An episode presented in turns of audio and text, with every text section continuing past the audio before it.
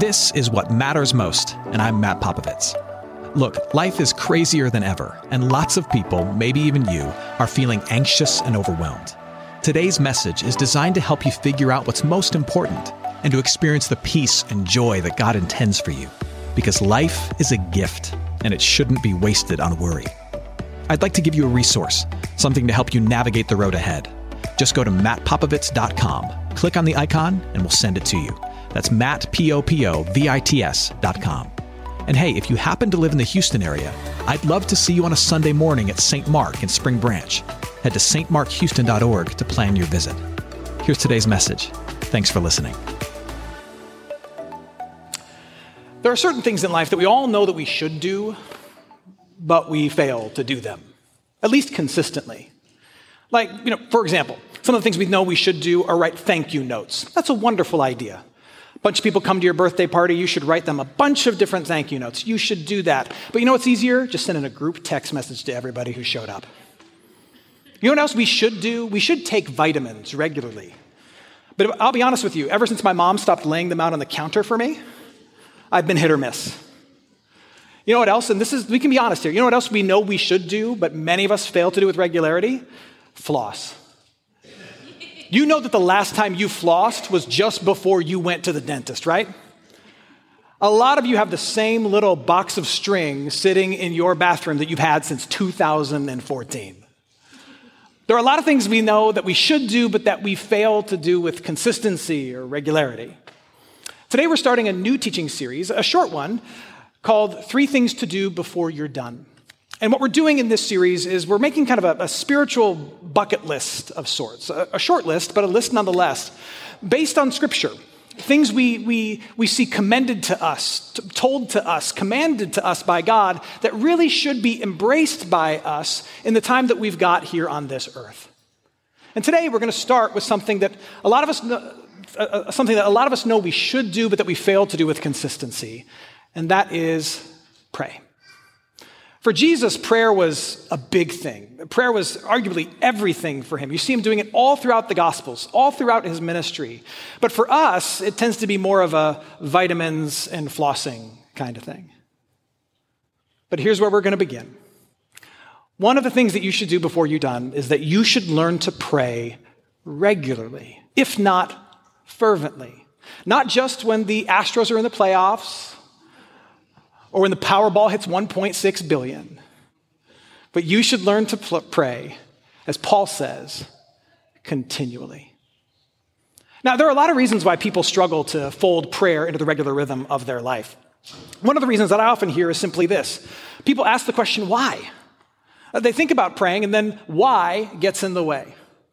Well, if God already knows everything, He's ultimately going to do what He wants, what He thinks is good, why do I need to pray? People wonder why they should pray. Maybe you've wondered that as well. Well, there's two reasons given to followers of Jesus Christ. At least two reasons. Number one is the example of Jesus. Number two is the promise of Jesus. Let's start with that example. Let's look at Jesus' own life. Luke chapter 5. This is a description of Jesus in the middle of his ministry. Luke says this, but now, even more, the report about Jesus went abroad, and great crowds gathered to hear him and to be healed of their infirmities. But Jesus would withdraw to desolate places and pray. This was routine for Jesus. As his ministry expanded, as the intensity upon him grew, as more people were pulling at him, wanting miracles from him, as there were more enemies hounding him, Jesus leaned into a life of prayer even more. In the middle of all of that busyness and all of that burden, Jesus, it says, would withdraw to desolate places. He would withdraw and focus his relationship on the Father, and he would pray. We see it as an example for us from Jesus. But we also get some promises for us in prayer from Jesus. Look now at the Gospel of John. John chapter 16. Jesus says this Truly, truly, I say to you, whatever you ask of the Father in my name, he will give it to you. Until now, you have asked nothing in my name. Ask and you will receive, that your joy may be full. Think about this. Jesus tells us that God the Father loves him so much that if we come to God in Jesus' name, that God the Father will answer us as if we were Jesus. God the Father loves Jesus so much that if we come to Him with our prayers, with our thoughts, with our worries, our concerns, bearing the name of Jesus, saying, I believe in Him, I trust in Him, my hope is in Him, that God the Father, out of love for the Son, will listen to us as His own. He will listen to you. Now, those two reasons alone should be more than enough for us to pray. The example of Jesus, if Jesus, as God in flesh, needed to pray, then why don't you? And the promise of Jesus the Father promises to hear you just as he does Christ. That's incredible. And yet, still, if we're being really honest, despite that example and despite that incredible promise, we don't. At least not with much regularity. You know, sure, we do when things are really bad, when we're really sick, or, you know, the Astros are losing, you know, game two or three or whatever it is. We pray, but, but not with any, any consistency or, or with any fervency. Not at all. Why is it? And here's why. Here's why I think we struggle to make prayer a regular part of our routine and our rhythm as followers of Jesus. And th- this is just the truth. You're, you're not going to like it. It's going to sound really tough, but it's the truth. The reason we struggle to pray, despite that example, despite that promise, the reason we struggle is because we don't believe. Specifically, we don't believe that we are as dependent as we actually are upon God. And we struggle to believe that God will be truly good to us when we call. That's why Jesus said this. Look at this. Now we're in Matthew chapter 7. Matthew chapter 7, Jesus says this Which one of you, if his son asks him for bread, will give him a stone? Or if he asks for a fish, will give him a serpent? If you then, who are evil, know how to give good gifts to your children, how much more will your Father who is in heaven, who's not evil, who's not messed up like you, give good things to those who ask him? Jesus makes a really simple argument. He says, Look, despite all your faults, despite all your flaws, despite being a broken, evil human being, you know, you know that if your kid comes to you and says, Dad, I need a snack, and they're actually hungry, you know that you need to give them a, a cheese stick and a kind bar. How much more so does God, who is perfect, who doesn't have all the problems that you have, know to give you what you need when you call upon Him? And yet we fail to. Why? Because we struggle to believe that we need Him that much. And we wrestle with whether or not He'll actually be good to us. Sure, we might believe that God will give us what we need, but what we really want is what we want. And we want what we want from God more than we want what we actually need. And so we doubt his goodness. Let's talk about dependence for just a bit. Let's remind ourselves of how utterly dependent we are upon God for everything. If I were to ask the room, uh, by show of hands, how many of you love your parents? And you don't actually have to raise your hands. In theory, if I ask you, by show of hands, do you love your parents? Hands would shoot up all around the room. Now, if I asked you, how many of you talk to your parents every day, but not only talk to your parents, you ask for their input on the decisions that you're making each and every day? I imagine less hands would go up. Some of you might even say, Pastor Matt, are you crazy? I do not invite their input each and every day. I have a special ringtone for when my mom calls. It's Darth Vader's March from Star Wars so I know to be in a meeting. yeah, I love my parents, but I don't talk to them, lean upon them, and invite their influence into my everyday life every single day. Are you crazy? And the reason we don't do that is because if our parents are still with us, if we're grown adults, we fancy ourselves as grown adult children. We are grown adults before we are children of our parents. And because we're grown adults, we are independent, not dependent. And you see, conversation is the currency of a dependent relationship. When you depend upon someone for day to day things, when you depend upon someone for life itself, you tend to talk to that someone a lot more. You tend to talk to them a lot more, invite their input a lot more, lean upon them, ask for their wisdom a whole lot more. But many of us, we look at God the Father and we say, Yes, I'm his child, but I'm an adult, grown child of God. And I am more independent than dependent. And we treat God the Father the way, same way we might treat our mother or father here on earth. We say, I love you a lot, but I need you a little. And so, yeah, I'll, I'll, talk to you and I'll ask your input, but, but I'll primarily reach out on birthdays, holidays, when good things happen, when bad things happen. Other than that, I know how to meet my own needs, and anything I don't know, I find it on YouTube University. Thank you so very much. But you are not the independent adult child of God the Father. You are an utterly dependent child of God. You are dependent upon Him for the sun in the sky, for the breath in your lungs, for the shoes on your feet, for the clothes on your back, for the sun to rise, for the sun to set. When you get up in the morning, it's because of God. When you go to bed at night, you actually fall asleep, it's because of God. Every need that you have is Him.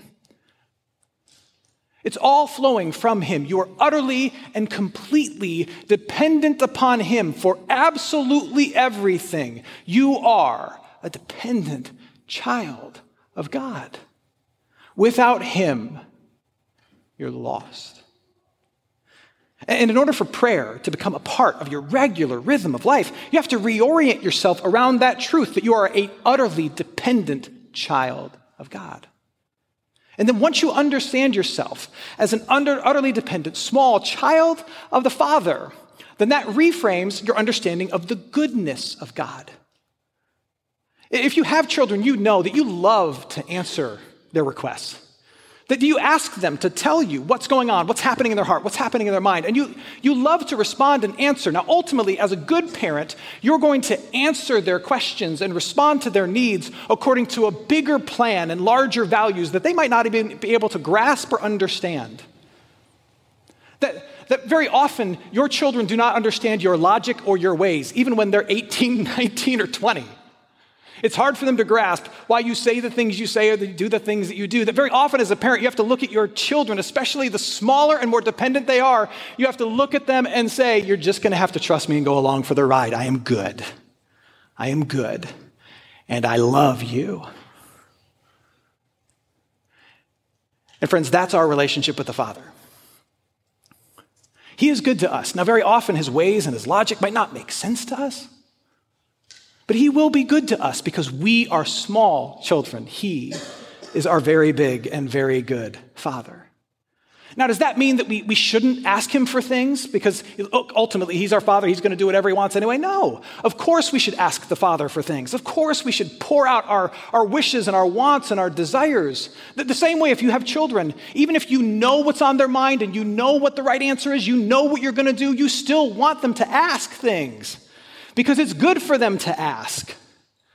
It's good for them to express their dependence upon you in conversation. It's good for them to demonstrate their dependence and their trust in you through asking and conversation. And besides, you want them to ask because you might also just say yes. Sure, you have your ultimate aim and your ultimate plan as a parent, but along the way, there are things you may be able to say yes to if only they would what? Ask. As a parent, your ultimate aim on a Thursday night might be to get that child in bed by 8 p.m. And so help you God, that child is going to be asleep by 8 p.m. And anything they ask that's going to get in the way of them being asleep by 8, you will say no to. But there might be a whole lot of other things you can say yes to along the way, but your will will still be done. And the same is true with your Father in heaven. His ultimate will will ultimately be done. But we ask Him for things. We call out to Him because He might just say yes along the way to what is ultimately His purpose and His plans and His will for our lives. Do you believe that you're an utterly dependent child? Do you believe that God is good, and that despite the fact that He holds the plans and He gets to know all the things, do you believe that He will be kind and compassionate to you, and that He will not only meet your needs, but sometimes He might even give you what you want? Do you believe that He's good? Good. Then call out to Him. Call out to Him. Hey, friends, it's Matt. If you enjoy what matters most, I invite you to give a one time gift or to become a regular recurring supporter of our ministry. It's your gifts that put and keep this show on the air and make it possible for us to do even more. To partner with us, just head to mattpopovits.com. That's M A T T P O P O V I T S.com and choose to give. And as a thank you, we'll send you a copy of my first book, Tough Call, as a gift. Help us keep sharing what matters most with as many as possible. Head to mattpopovits.com and choose Give.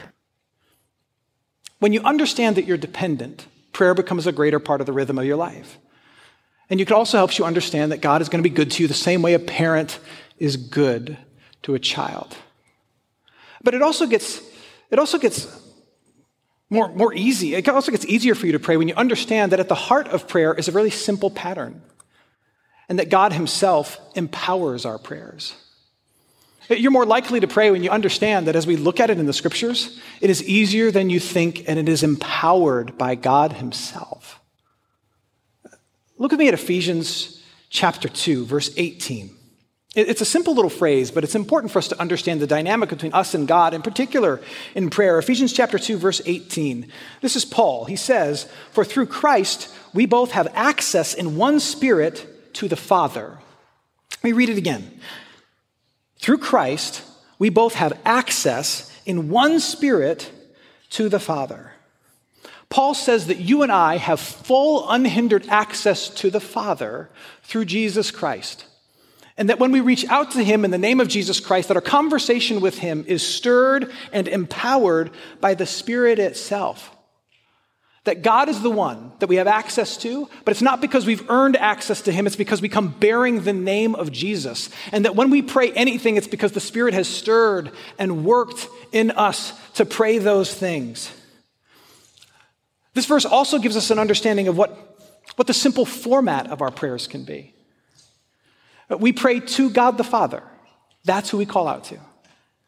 And we come to Him in the name of Jesus and we are empowered to do so by the Holy Spirit.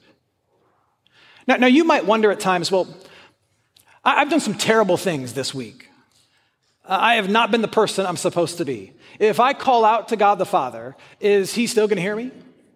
Or it's been a long time since I've prayed. It's been uh, four months, 40 months, but it's been 400 months since I've talked to God.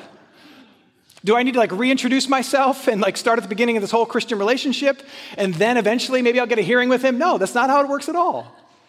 Whether it's been a long time or you've done a lot of terrible things or you feel like you don't know what to say, here's how prayer works. You have full access to the Father. You call out to him. You come to Him bearing the name of Jesus because you lean on Jesus. You're baptized into Jesus. You are a person, a child, a follower of Jesus. You come in the name of Jesus and you trust that the Holy Spirit is the one stirring in you the things that you say, even if they don't make much sense to you, even if they're not all that polished or poetic, or you don't think they're all that substantive. Whatever you say is uttered forth by the Holy Spirit, and it enables your prayers to go to the throne of God who hears them. Jesus Christ Himself has conquered conquered anything that might complicate your communication with the Father. Jesus Christ has covered over any sin that might stymie your conversation. Jesus Christ has made it possible for you to have full, unfettered access to the Father. So speak to the Father in the name of the Son and know that it's powered by the Holy Spirit. And know that you don't, you don't get any extra points for style or substance. You just speak the way a child would to a good parent. Tell him how good he is. Tell him everything that you need, the highs and the lows and everything in between, and know that he hears and he will answer. Now, you might be saying, well, Matt, that, that, that all makes sense, that we should pray because of the example of Jesus and because there's promises attached to it given to us by Jesus. But we struggle to believe that God will, God will answer our prayers in a way that's good, and we, we struggle to understand that we're dependent. But if we get all those things straight, then, then, then prayer can become a part of the regular rhythm of our life, and it's, it's easier than we think. We just call out to the Father in the name of Jesus by the power of the Spirit. Like, like I get all that, that makes sense, but still, what should I pray? I don't know what to pray. I, I, need some steps, I need some things, I need some help, okay? I, I understand. Let, let, me share with you a couple of things that have helped to enrich my own personal life of prayer and things that I return to and lean on to help make prayer uh, a greater habit for me. Uh, let me give you these things. It's actually just, just four things. Uh, the four things are this add it, write it, speak it, and feed it. Here's what I mean. If you want prayer to be a greater part of the rhythm of your life, add it to the rhythm of your life. Uh, second, you, you should write some of the things that you want to pray about, even if it's just a list of the things that are burdening you. Also, I think you should talk to yourself. Actually, you're not talking to yourself, you're talking to God. You should speak it out loud. Did you know that in the scriptures, we don't really see anybody praying silently in their own hearts and minds? The model for prayer that's given to us in the Bible is people speaking prayers out loud to God. You want to know why they actually speak words out loud? This will blow your mind. Because God is real and He's a person. And when you communicate with real people, what do you do? You talk. That's exactly right. I think it's a good practice for you to speak your prayers out loud. Might you look like a crazy person to somebody? Absolutely. But just tell them, I'm talking to God. They'll think you're even more crazy. you should speak your prayers. It helps focus your prayers, and it helps you remember that you're engaging with a real entity. And that's part of how we do this. I want to close by giving you an illustration. It comes to us from the book of Revelation, the last book of the Bible. In Revelation, John, the same guy who wrote the Gospel of John, is given this vision of eternity. He's given a vision of, of the heavenly realm. And one of the things he's given an image of is what happens when, when followers of Jesus on earth, when, when we pray, what happens in heaven. Maybe you've never read this before, heard this before. Let, let me share it with you. This is, this is incredible. John says this When the Lamb, that's Jesus, when the Lamb opened the seventh seal, there was silence in heaven for about half an hour. Then I saw the seven angels who stand before God, and seven trumpets were given to them. And another angel came and stood at the altar with a golden censer, and he was given much incense to offer with the prayers of all the saints on the golden altar before the throne. And the smoke of the incense with the prayers of the saints rose before God from the hand of the angel. Then the angel took the censer and filled it with fire from the altar and threw it on the earth. And there were peals of thunder, rumblings, flashes of lightning, and an earthquake. Throughout Revelation, John describes the, the volume of heaven. And what he tells us is that eternity, that, that the heavenly realm, where, where, where the fullness of God resides, is a very loud place.